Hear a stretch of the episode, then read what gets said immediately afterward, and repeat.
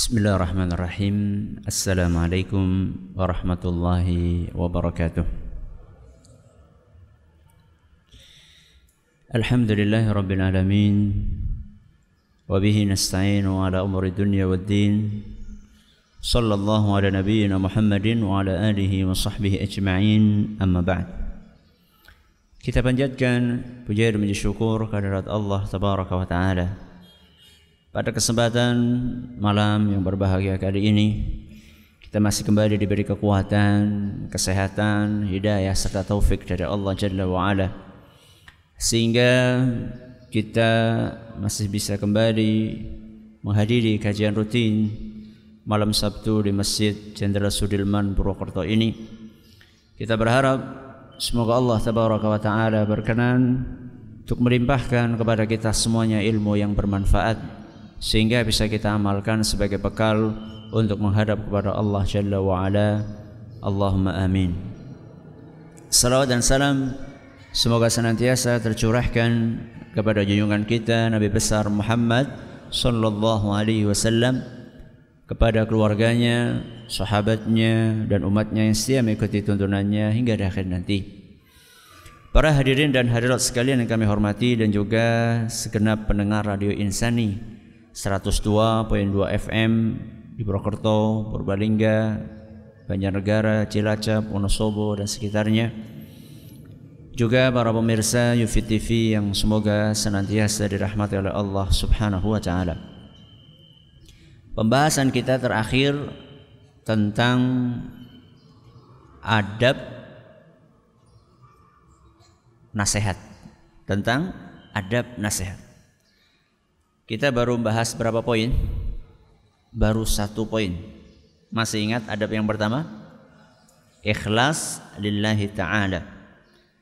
Murni mengharapkan ridho dari Allah subhanahu wa ta'ala ketika menyampaikan nasihat bukan karena tendensi duniawi. Hari ini insya Allah kita akan membahas dua adab di antara adab nasihat yang harus kita perhatikan yaitu adab yang kedua, adab yang pertama ikhlas, adab yang kedua adalah berilmu. Apa? Berilmu. Berilmu tentang apa? Tentang sesuatu yang kita sampaikan. Jadi ketika seseorang menyampaikan nasihat, dia harus faham apa yang dia sampaikan itu. Yang dia sampaikan itu betul atau tidak. Karena kalau seandainya dia tidak berilmu mengenai apa yang dia sampaikan, jangan-jangan dia menyampaikan sesuatu yang sesuatu yang keliru. Dia pikir benar. Bisa jadi dia bukan amar ma'ruf nahi mungkar tapi amar mungkar nahi ma'ruf. Mungkin nggak itu? Mungkin. Karena dia pikir apa yang dia sampaikan benar padahal salah. Apa yang dia larang dia pikir sesuatu maksiat padahal itu benar. Dan ini karena kurangnya ilmu. Makanya ketika orang akan menyampaikan nasihat, modal pertama, modal utama dia setelah punya ikhlas, dia harus punya ilmu. Makanya di dalam Al-Qur'an Allah Subhanahu wa taala berfirman, "Wala taqfu ma laisa laka bihi ilmun." Yang artinya jangan kamu mengikuti sesuatu yang kamu tidak punya ilmunya. Alias jangan gampang-gampang mengekor. Jangan seperti air di atas daun talas. Kancane pada ngidul melu ngidul. Kancane pada ngalor melu ngalor. Kancane nyemplung blumbang melu nyemplung apa ora? Ya tergantung. Di Belumbang itu ada air, eh, ada ikannya apa enggak? Kancane nyemplung sumur melu nyemplung sumur. Enggak benar. Wala taqfu ma laysa laka bihi ilmun. Janganlah kalian mengikuti sesuatu yang kalian tidak punya ilmunya. Kenapa? Inna sam'a wal basara wal fuada kullu ulaika kana anhu mas'ula. Karena sesungguhnya as-sam'a apa? Pendengaran. Wal basara penglihatan. Wal fuada hati. Kullu ulaika kana anhu mas'ula. Semuanya akan dimintai pertanggungjawabannya. Al-Quran surat Al-Isra ayat 36. Maka di sini resikonya tidak mudah. Ketika kita akan menyampaikan sesuatu kita perlu punya ilmunya. Kalau tidak akibatnya apa Ustaz? Akibatnya kita bisa tersesat dan dan menyesatkan orang lain. Sudah tersesat menyesatkan orang lain dan inilah yang diwanti-wanti oleh Nabi kita Muhammad SAW sejak 14 abad yang lalu sudah keliru menjerumuskan orang lain kepada kekeliruan, sudah salah menjatuhkan orang lain kepada kesalahan. Itu repot itu, dosane double. Kalau jenengan sendiri yang salah, berarti ya kur nanggung dosane dewek. Tapi sudah salah ngajak-ngajak orang lain kepada kesalahan, double-double itu. Iya kalau yang diajak satu, kalau yang diajak sepuluh, berarti dosane Sepuluh apa sebelas? Ya sebelas. Dosa dia sih. Kalau yang diajak seribu. Seribu satu. Ya. Maka ngeri. Ini yang sudah diwanti-wanti oleh Nabi SAW sejak 14 abad yang lalu. Nabi SAW mengatakan, Inna Allah la yaqbidul ilman tiza'an yantazi'uhu minal ibad.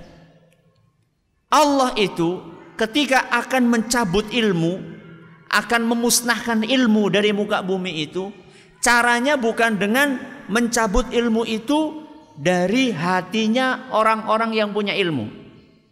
Jadi bukan kok ilmu itu akan dicabut terus ilmu ini jadi mabur gitu. Enggak. Terus bagaimana cara Allah mencabut ilmu dari muka bumi ini? Walakin yaqbidul ilma biqabdil ulama.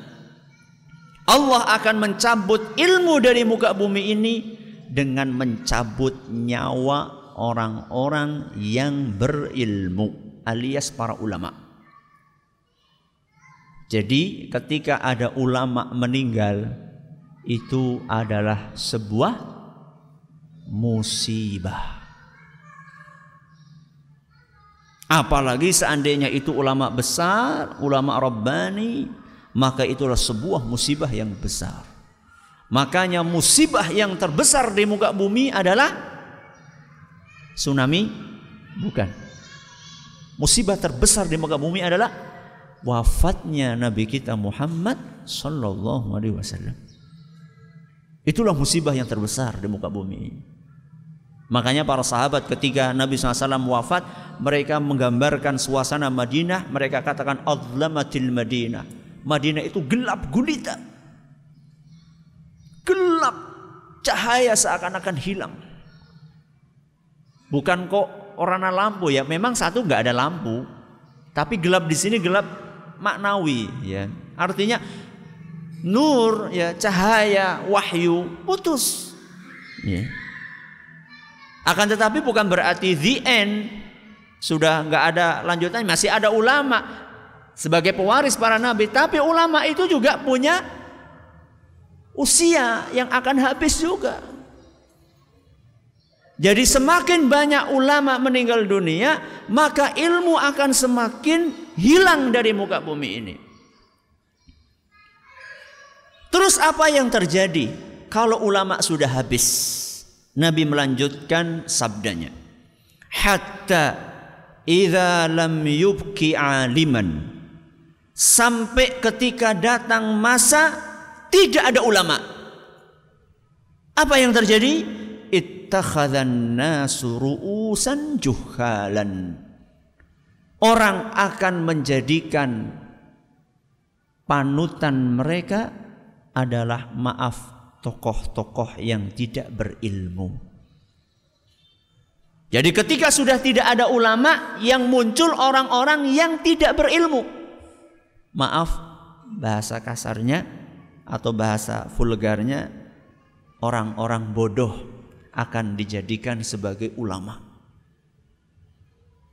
Ketika mereka sudah muncul, apa yang terjadi? Fasu'ilu fa'aftau bi ghairi ilmin fa'adallu adallu. Fadallu wa adallu. Mereka yang tidak punya ilmu itu dimunculkan, kemudian ditanya. Karena nggak ada yang ditanya yang lainnya, akhirnya seadanya itu. Mereka ditanya, mereka mengeluarkan fatwa, tapi fatwanya tanpa ilmu. Akibatnya apa? Dollu wa adollu. Mereka tersesat dan menyesatkan orang lain. Hadis riwayat Bukhari dan Muslim. Jadi menyampaikan nasihat itu ibadah akan tetapi kita harus perhatikan etikanya etikanya kita harus yakin betul bahwa apa yang kita sampaikan ini betul-betul kita punya ilmunya jangan sampai asbun apa asbun asal bunyi. Saya punya ceramah, punya eh, kajian judulnya wabah asbun. Apa judulnya? Wabah asbun. Penyakit menular namanya asbun asal bunyi. Ngeri itu. Ya. Orang-orang yang asal bunyi menyampaikan sesuatu dia tidak memiliki ilmunya itu bisa sampai taraf membuat nyawa orang lain melayang. Karena apa yang dia sampaikan itu memiliki tingkat bahaya yang sangat tinggi dan ini pernah kejadian pada zaman Nabi SAW. Diceritakan oleh seorang sahabat namanya Jabir radhiyallahu anhu. Beliau katakan, "Kharajna fi safarin."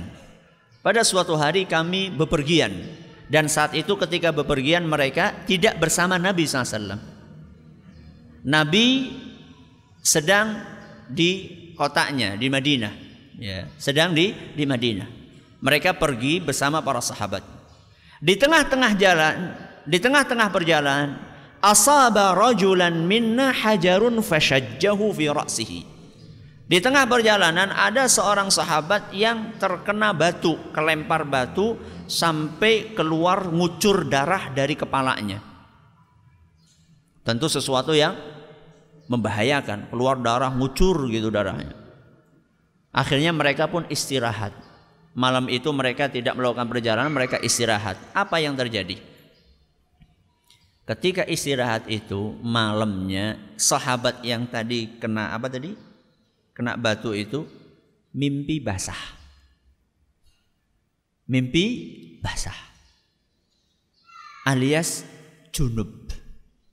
Kalau orang junub berarti kan harus mandi. Harus keramas dari ujung rambut sampai ujung kaki.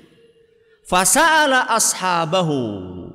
Maka dia pun bertanya kepada sahabat-sahabat yang lainnya. Apa isi pertanyaannya? Hal tajiduna li rukhsatan fit tayammum? Apakah kalian menilai saya ini mendapatkan dispensasi untuk tayamum? Mungkin para sahabat kan tayamum itu kan pengganti wudhu. Lah ini bukan wudhu, ini masalahnya mandi besar. Apa mau ganti tayamum? Tayamumnya gimana? Apa enggane? Apa? Gulung-gulung ya.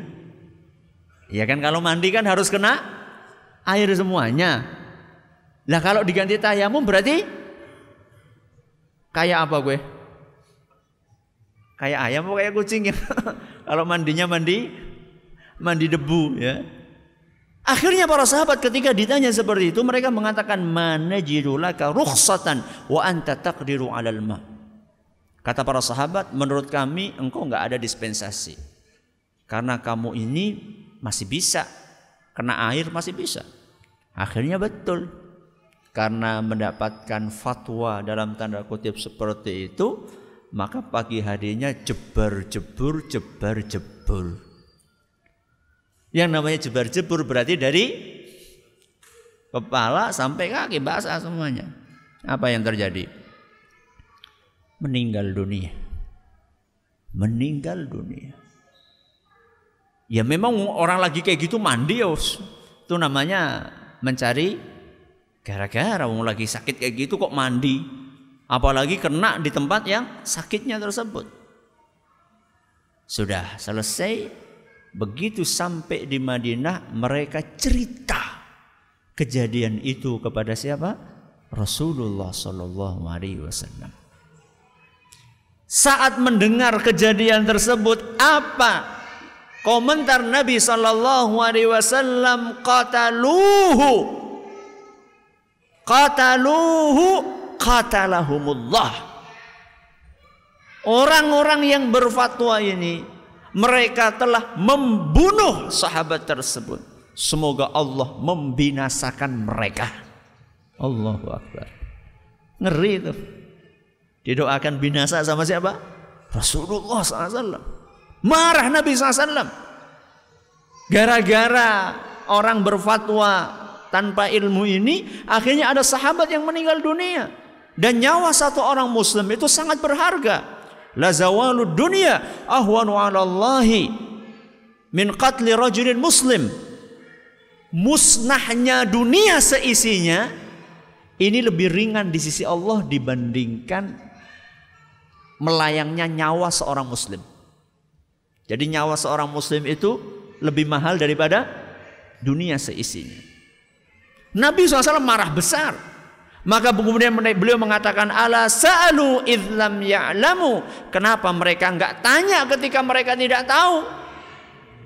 Fa inna ma syifa'ul ayyis su'alu. Sesungguhnya obatnya ketidaktahuan itu adalah bertanya. Hadis riwayat Abu Dawud nyatakan sahih oleh Imam Al-Hakim, Ibnu Khuzaimah, Ibnu Hibban dan Syekh Al-Albani. Jadi adab yang kedua adalah harus berilmu. Berilmu tentang apa yang akan disampaikan. Jadi bukan berilmu maksudnya adalah harus hafal Quran 30 juz. Nah.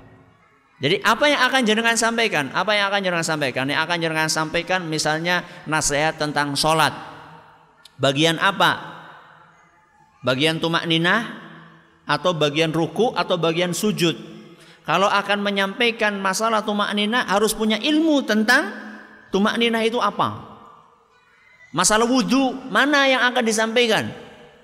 Masalah membasuh tangan, apa membasuh kepala, apa membasuh kaki. Kalau membasuh tangan, membasuh kepala harus tahu membasuh kepala itu maksudnya apa. Yeah. Ketika menasihati orang, lo gue jadi gue basuh kepala, gue kayak membasuh batuk untuk basuh kepala. Ada nggak orang yang membasuh batuk? Ada. Kepriwe berarti wudune? Pluk pluk pluk. Itu namanya membasuh batuk, bukan membasuh kepala. Padahal ayatnya dalam Al-Qur'an wamsahu biruusikum. Nah, jenengan harus tahu ini ayatnya. Jadi ketika akan menasihati orang, loh jadi wudune gue batuk ketok. Terus kenapa? Jerene aduh. Sulit itu. Harus punya ilmunya. Apa? Dalil yang menyuruh supaya bukan membasuh batuk batuk siapa? Kening. Kening apa jidat? Kening kan ini ya? Ya jidat ya. Jidat. Ya jidat. Ya Uh, dalilnya apa kok kita nggak cukup hanya sekedar membasuh jidat saja? Dalilnya firman Allah Subhanahu wa taala dalam Al-Qur'an ketika Allah bercerita, menceritakan, memerintahkan tentang berwudu, Allah berfirman, "Wamsahu biruusikum." Usaplah kepala kalian. Kepala itu mana? Ya, kepala ya ini. Ya, tempat tumbuhnya rambut. Tempat tumbuhnya rambut. Kalau ini apa? Muka. Termasuk batuk ini termasuk muka. Berarti yang benar, yang sesuai dengan ajaran yang dipraktekkan oleh Nabi SAW adalah bagaimana? Mulai dari depan sampai belakang. Basah semuanya dari mana? Tempat tumbuhnya rambut sampai ke belakang kemudian ditarik lagi ke depan. Wah, sisirannya ya Mas, mas. Sisiran beti pikirakan. Kali gawe jungkat. Berwudu sisiran mana kan gampang. Ya, ada sebagian orang, ya Ustaz, cukuplah tiga helai rambut kan cukup Ustaz. Iya itu pendapat sebagian ulama. Akan tetapi yang lebih kuat adalah sesuai dengan apa yang dipraktekkan oleh Nabi SAW. Karena dengan alasan tiga helai rambut itu wis cungkatan apik wis nganggo apa? Tanco apa gespi ya? ya. Atau orang aring. ya, takut rusak tinggal ngambil air basahi terus apa? Tul. Ya wis luwih sekang apa? wis luwih sekang telu gitu. ya. Harus punya ilmunya ketika akan menyampaikan itu kepada orang. Harus punya ilmunya. Ilmunya apa? Ya. Ketika akan menyampaikan sesuatu harus siap. Makanya inilah pentingnya ngaji. Nah, jangan ini sudah alhamdulillah nih sudah menghadiri pengajian dapat ilmu nanti sampaikan kepada orang lain. Ini adab yang keberapa? Adab yang kedua. Adab yang ketiga, tidak kalah pentingnya dengan adab yang kedua. Adab menasehati yang ketiga adalah mengamalkan apa? Mengamalkan apa yang dia nasihatkan. Berat nggak ini? Super berat. Super berat. Dan ini adalah salah satu adab yang harus betul-betul kita perhatikan. Kenapa demikian? Karena tanggung jawabnya berat di akhirat dan juga di dunia. Dan orang ketika kita mengamalkan apa yang kita nasihatkan, akan lebih menerima dibandingkan ketika kita ngomong sesuatu kemudian tidak kita amalkan. Cara wong Jawa apa? Jarkoni. Apa jarkoni? Nggak, tayang ngajar, ora tayang ngelakoni. Intermezzo ya. Saya pernah menyampaikan seperti ini, ya. Pokoknya yang namanya mendakwahkan sesuatu itu harus diamalkan. Jadi kalau orang yang mendakwahkan sesuatu nggak diamalkan itu namanya jarkoni. Tahu-tahu jamaah semuanya langsung kiki pak kiki pak jenengannya jarkoni pak. Astagfirullah. Ternyata di antara hadirin ada yang namanya jarkoni. Betul pak jarkoni gitu. Maka jenengannya nasihat ya. Kalau ngasih nama itu ya mikir-mikir. ya. Tapi memang betul namanya jarkoni. Saya jadi langsung minta maaf. Nuh saya pak bukan panjenengan yang saya maksud. ya. Yang saya maksud orang-orang yang teh yang ngajar, orang teh yang ngelakoni. Sulit. Kalau misalnya orang itu ngomong ngajarin sesuatu dia nggak amalkan, orang itu akan sulit nerimanya. Ngajarin jujur tapi dia nggak jujur. Ngajarin nggak korupsi tapi dia korupsi, sulit akan diterima. Ya. Dan resikonya di akhirat lebih berat lagi. Allah Subhanahu wa taala menjelaskan dalam Al-Qur'an surat As-Saff ayat 2 sampai 3. Ayat yang menyeramkan terutama untuk para ustadz, eh, para dai, para muballigh, para kiai. Ayat inilah salah satu ayat yang terberat yaitu firman Allah Subhanahu wa taala, "Ya ayyuhalladzina amanu lima taquluna ma la taf'alun.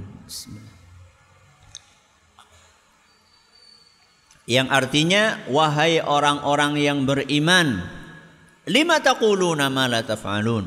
Kenapa kalian mengucapkan sesuatu yang kalian tidak praktekkan? Kenapa kalian menyampaikan sesuatu yang kalian sendiri tidak lakukan? Ngajak orang sholat di jamaah di masjid, dianya tidak jamaah ngajak orang supaya menutup jilbab istrinya sendiri tidak jilbaban. Repot. Terus apa efeknya ketika kita ngajarkan sesuatu yang kita sendiri tidak amalkan? Kabura maqatan indallahi an taqulu ma la taf'alu.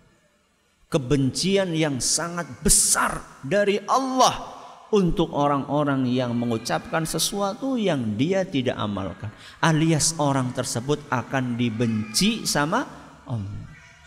Dibenci kok sama Allah? Ya Allah. Kalau kita sudah dibenci sama Allah mau ke mana kita? Kalau dibenci sama istri pertama tinggal pindah ke rumah Iya kalau punya istri yang kedua, kalau nggak punya. Artinya kalau dibenci manusia itu masih gampang lah. Dibenci sama teman masih ada teman yang lain. Ya. Tapi kalau sudah dibenci sama Allah kita mau ke mana? Mau pindah tempat tinggal. Tempat tinggal ke mana kita pindah? Mau ke bulan. Bulan juga punyaan Allah. Mau lebih jauh lagi ke Pluto. Pluto juga punyaan Allah. Mau ke mana kita? Kaburo maktan dan Allah katakan benci yang sangat besar. Jadi bukan sekedar benci, ya. benci sekedarnya enggak, tapi kaburo besar. Kebencian Allah sangat besar, alias Allah benci banget. Nah kalau kita sudah dibenci banget sama Allah Subhanahu Wa Taala, kita mau ke mana? Kita bernafas karena dikasih sama Allah. Kita bisa makan karena dibantu sama Allah. Kita bisa dapat hidayah karena Allah yang ngasih. Ini adalah ayat yang sangat berat terutama untuk mereka yang rajin memberikan nasihat kepada orang lain. Hadis Nabi SAW tadi ayat Al-Quran. Hadis Nabi SAW lebih menggambarkan seremnya orang yang pintar menyampaikan nasihat tapi tidak mempraktekkan. Dalam sebuah hadis yang diriwayatkan oleh Imam Bukhari dan Muslim, Nabi kita wasallam bersabda, yuja'u birrajuli yaumal qiyamati fayulqa finnar. Pada hari kiamat nanti ada seorang yang dilemparkan ke dalam neraka. Fatandaliku aqtabuhu finnar. Ususnya terburai di neraka. Jadi perutnya terbuka, ususnya itu keluar dan terburai Fayaduru kama yadurul himaru birahahu. Sudah ususnya terburai. Ini orang kesakitan. Dia muter-muter kesakitan. Seperti berputarnya keledai. Yeah. Jadi dia muter-muter-muter saking kesakitan. Ususnya itu keluar. Bisa jangan bayangkan. Usus keluar. Kita terkena pisau saja keluar darahnya. Itu sudah kesakitan. Apalagi ususnya keluar. Saking sakitnya dia muter-muter di situ terus. Seperti keledai yang sedang berputar mengelilingi tempat penggilingan. Kalau dulu giling sesuatu pakai keledai suruh muter, kayak gitu muter. Ketika melihat pemandangan yang mengerikan tersebut, yajtami'u ahlun nari alaihi fayaqulun. Orang-orang yang ada di neraka ngumpul mengelilingi orang tersebut sampai orang yang di neraka yang mereka sedang disiksa tertarik untuk melihat orang ini. Bisa dibayangkan kan? Ini orang yang keliling itu bukan penghuni surga, yang keliling penghuni neraka. Dia juga lagi disiksa. Saking mengerikannya orang ini sampai mereka itu anak apa jenis wong? Ya. Maka mereka bertanya, "Ai fulan, Masya nuka. Wahai fulan, apa sih dosa kamu itu? Apa dosa yang kamu lakukan? Sampai kamu disiksa dengan siksaan seperti ini. Alaysa kunta ta'muruna bil ma'rufi wa tanha 'anil munkar? Fulan. Seingat kami, engkau kan yang dulu rajin amar ma'ruf nahi mungkar? Engkau kan yang dulu sering ngajak-ngajak kami kebaikan. Ngelarang ngelarang kami dari keburukan. Engkau kan si fulan kan? Kami nggak asing dengan wajah kamu. Mungkin kan engkau kan yang dulu di mimbar. Kau kan yang dulu duduk di kursi di depan. Kau kan yang sering nasihati kami. Ngajak-ngajak kami sholat. Ngelarang kami dari maksiat. Engkau kan orangnya. Maka orang tersebut pun mengatakan. Iya. Akulah orangnya. Akan tetapi kata beliau. Kata dia kuntu amurukum bil ma'rufi wala atihi. Iya betul. Sayalah yang mengajak kalian kepada kebaikan. Akan tetapi justru saya sendiri tidak melakukan kebaikan tersebut. Saya ngajak kalian untuk sholat, tapi saya sendiri tidak sholat. Saya ngajak kalian untuk zakat, tapi saya sendiri tidak zakat. Wa anhaakum 'anil munkari wa ati. Dan aku juga yang mewanti-wanti kalian, mencegah kalian, melarang kalian dari kemungkaran, tapi aku sendiri yang melakukan kemungkaran tersebut. Saya yang melarang kalian untuk sombong, tapi aku sendiri sombong. Saya yang menasehati kalian supaya tidak jelalatan, tapi saya sendiri jelalatan. Walaupun jelalatannya di kamar. Kalau di luar kelihatannya soleh banget. Tapi ketika sudah di kamar, sudah di hadapan internet, sudah di hadapan HP, sudah di hadapan laptop, nggak ada orang lain, saat itulah saya lakukan maksiat-maksiat tersebut yang saya mencegah kalian untuk melakukannya.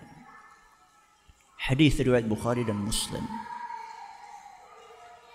Maka adab yang ketiga yang harus diperhatikan orang yang menyampaikan nasihat adalah dia berusaha untuk mengamalkan apa yang dia nasihatkan kepada orang lain. Ustaz, angel Ustaz. Sulit Ustaz. Kalau kayak gitu Ustaz, daripada usus saya terburai besok-besok moh saya kalau suruh apa? Nyampaikan nasihat. Gimana nih? Benar apa salah? Benar apa salah? Salah. Berarti siap-siap. Siap-siap apa? Siap-siap ususnya terburai. Ya. Itu gimana Ustaz ya? Kadang-kadang kita itu nyuruh orang lain, kita sendiri kadang-kadang masih banyak keku kekurangannya. Kita tahu ilmunya khusyuk itu wajib, tapi kita sendiri kadang-kadang juga tidak khusyuk. Apakah boleh Ustaz? Kita ini punya kekurangan, tapi nasihati orang lain. Jawabannya boleh. Jawabannya apa? Boleh. Apa alasannya? Alasannya kalau misalnya seseorang itu tidak boleh menasehati orang lain kecuali setelah dia sempurna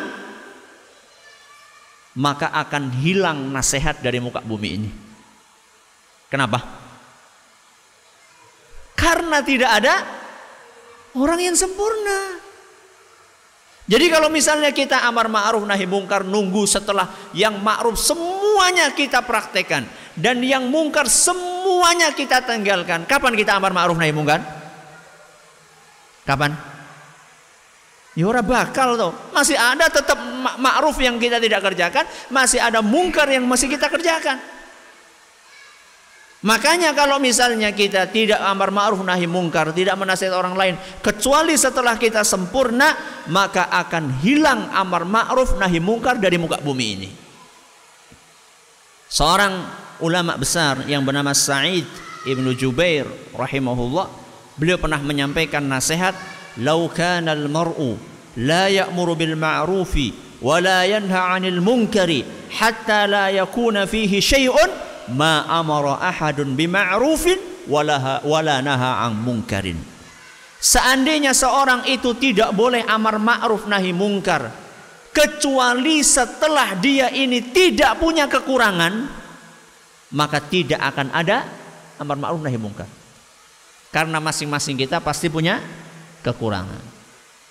Ini jawaban yang pertama.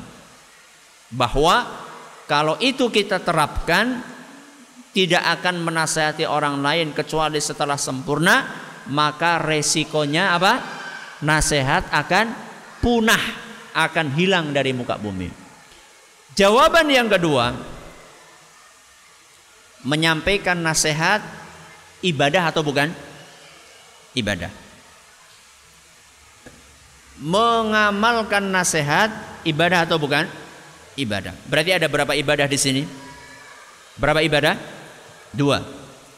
Yang pertama menyampaikan nasihat, ngomongin orang. Nasehatin orang ibadah. Yang kedua, mengamalkan. Saya tanya, lebih baik mana antara orang yang mengamalkan salah satu dari dua ibadah itu dan meninggalkan yang satunya atau orang yang meninggalkan dua-duanya? Lebih bagus mana? Mengamalkan dua-duanya. Ya iyalah. Itu di luar pertanyaan, itu udah selesai kita. Kita nasihati, kita amalkan, itu udah selesai. Sekarang pertanyaannya, antara orang yang menasehati tidak mengamalkan dengan orang yang tidak menasehati dan tidak mengamalkan, bagusan yang mana? Bagusan yang dia menasehati walaupun dia tidak mengamalkan. Kenapa? Karena minimal dia melakukan satu ibadah. Sekarang saya tanya, orang sholat tapi nggak puasa, sama orang nggak sholat sama nggak puasa, bagusan mana? Bagusan? Ya iyalah sholat dan puasa itu sudah kita lewat itu sudah. Sekarang kita lagi bahas orang nggak sholat tapi puasa sama orang nggak sholat dan nggak puasa.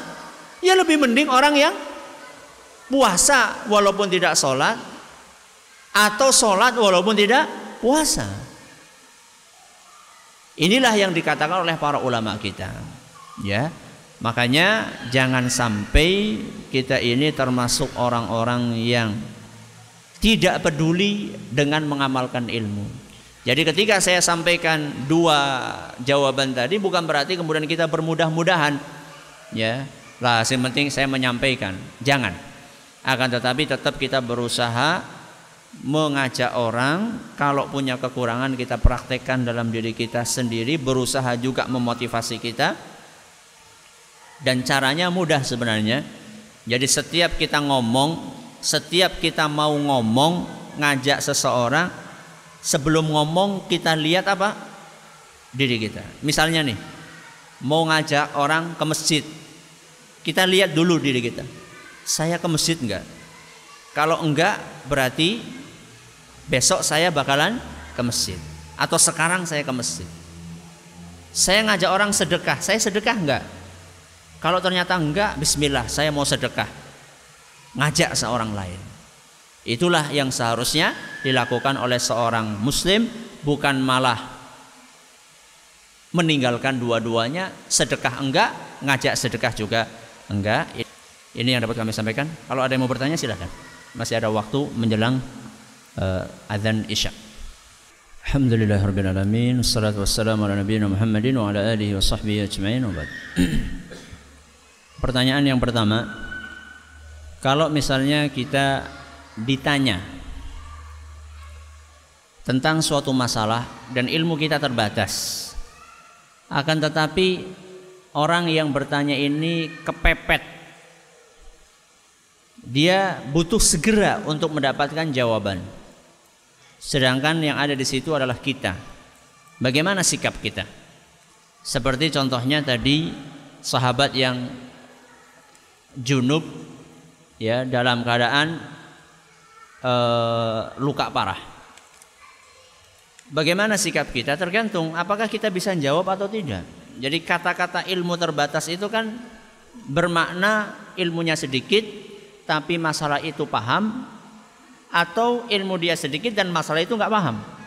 Kalau dia ilmunya terbatas tapi paham masalah itu dia jawab. Tapi kalau dia tidak paham maka tidak boleh dijawab. Terus bagaimana Ustaz? Kita ini hidup di zaman yang banyak kemudahan dari Allah. Apa itu? Sarana teknologi, sarana komunikasi. Kalau memang kita ditanya mendesak dan kita nggak bisa jawab, telepon. Telepon siapa? Telepon ustadz, telepon ulama, telepon kiai yang kita anggap berilmu. Ya. Atau di zaman kita ini internet juga banyak membantu. Orang katakan tanya sama Syekh Google kata. Ya kita harus selektif juga. Ya, internet juga di dalamnya macam-macam. Nanti kita harus melihat benar-benar ini yang kita buka web yang bisa dipertanggungjawabkan atau tidak gitu loh. Jadi intinya di zaman kita ini banyak sekali kemudahan yang dulu belum ada. Maka itu harus kita manfaatkan. Ustadz bagaimana cara menasehati seorang yang percaya dengan batu cincin atau hal yang serupa memiliki kekuatan dan manfaat tertentu. Dia mengatakan bahwa seluruh yang diciptakan oleh Allah itu untuk dimanfaatkan. Dan dia mengatakan bahwa itu tidak syirik karena dia menganggap semua manfaat dari batu cincin itu seperti terlindungi dan adalah atas izin Allah. Terima kasih Ustaz. Pertama, semua yang ada di muka bumi ini kita manfaatkan. Kalau seperti itu, khamer akan kita manfaatkan. Babi akan kita manfaatkan. Apakah seperti itu? Tidak. Tidak setiap apa yang ada di muka bumi ini diizinkan sama Allah untuk dimanfaatkan. Ya. Ini sebuah pemahaman yang perlu diluruskan. Jadi yang ada di muka bumi ini sudah dibagi sama Allah. Ada yang halal, ada yang haram. Ya. Gunakan, manfaatkan yang halal, tinggalkan yang haram. Ini jawaban yang pertama. Tidak semua yang ada di muka bumi ini dihalalkan sama Allah. Ada yang diharamkan, ada yang dihalalkan dan jimat termasuk yang diharamkan sama Allah Subhanahu wa taala. Jawaban yang kedua. Bahwa orang memakai cincin terus tambah ganteng terus jadi dicintai sama cewek-cewek misalnya. Itu kan dengan izin Allah Ustaz. Terus kenapa kalau dengan izin Allah? Apakah ketika itu atas izin Allah berarti Allah suka sama itu? Perlu diketahui bahwa izinnya Allah kepada sesuatu untuk terjadi ada dua jenis. Yang pertama, sesuatu itu terjadi dengan izin Allah dan Allah suka kepada hal itu. Yang kedua, sesuatu terjadi dengan izin Allah dan Allah tidak suka terhadap hal itu. Ini yang kadang-kadang orang tidak paham. Dipikirnya semua terjadi dengan izin Allah berarti Allah suka. Enggak. Segala sesuatu yang terjadi di muka bumi terjadi atas izin Allah, tapi ada yang dicintai sama Allah, ada yang tidak. Apa mungkin Allah mengizinkan sesuatu dan itu tidak dia cintai? Mungkin tidak. Sangat mungkin. Nggak usah kita bicara sama, nggak usah kita bicara tentang Allah yang Allah itu maha kuasa atas segala sesuatu. Kita saja. Apakah kita mungkin melakukan sesuatu yang tidak kita sukai? Mungkin tidak? Mungkin. Contohnya. Mungkin nggak kita melakukan sesuatu yang kita tidak sukai? Hah? Contohnya apa? Nggak mungkin. Subhanallah. Ngombe obat. Ngombe obat. Siapa yang hobinya minum obat? Angkat tangan. Tapi jenengan minum obat nggak? Minum, walaupun nggak suka. Tidak setiap yang kita kerjakan kita sukai. Kenapa jenengan tidak suka obat tapi minum? Karena menginginkan kesembuhan. Allah Subhanahu wa taala menakdirkan di muka bumi ini ada setan. Setan di muka bumi ini dengan kehendak Allah atau tidak? Kehendak Allah. Allah suka sama setan? Ya nggak suka lah. Tapi kenapa Allah ciptakan setan? sebagai ujian. Itulah namanya hikmah. Sama kayak tadi kita minum obat. Kenapa ente mau minum obat padahal obat pahit? Karena kita ingin sesuatu yang manis di balik itu. Apa itu? Kesehatan. Ini jawaban yang kedua. Jadi tidak setiap yang diizinkan oleh Allah itu dicintai oleh Allah. Gampangnya sekarang sihir. Sihir itu terjadi dengan izin Allah atau tidak? Iya. Gak mungkin orang itu dukun atau tukang sihir bisa mencelakai seorang kalau dengan, tidak dengan izin Allah. Terus berarti kalau Allah mengizinkan orang itu celaka, sihir jadi boleh karena diizinkan sama Allah? Tidak. Kenapa Allah izinkan? Karena hikmah-hikmah yang lainnya supaya dia mendekat kepada Allah, supaya rajin baca Quran, supaya beribadah dengan tekun kepada Allah. Itulah hikmah-hikmah di balik apa yang terjadi di muka bumi ini di antaranya.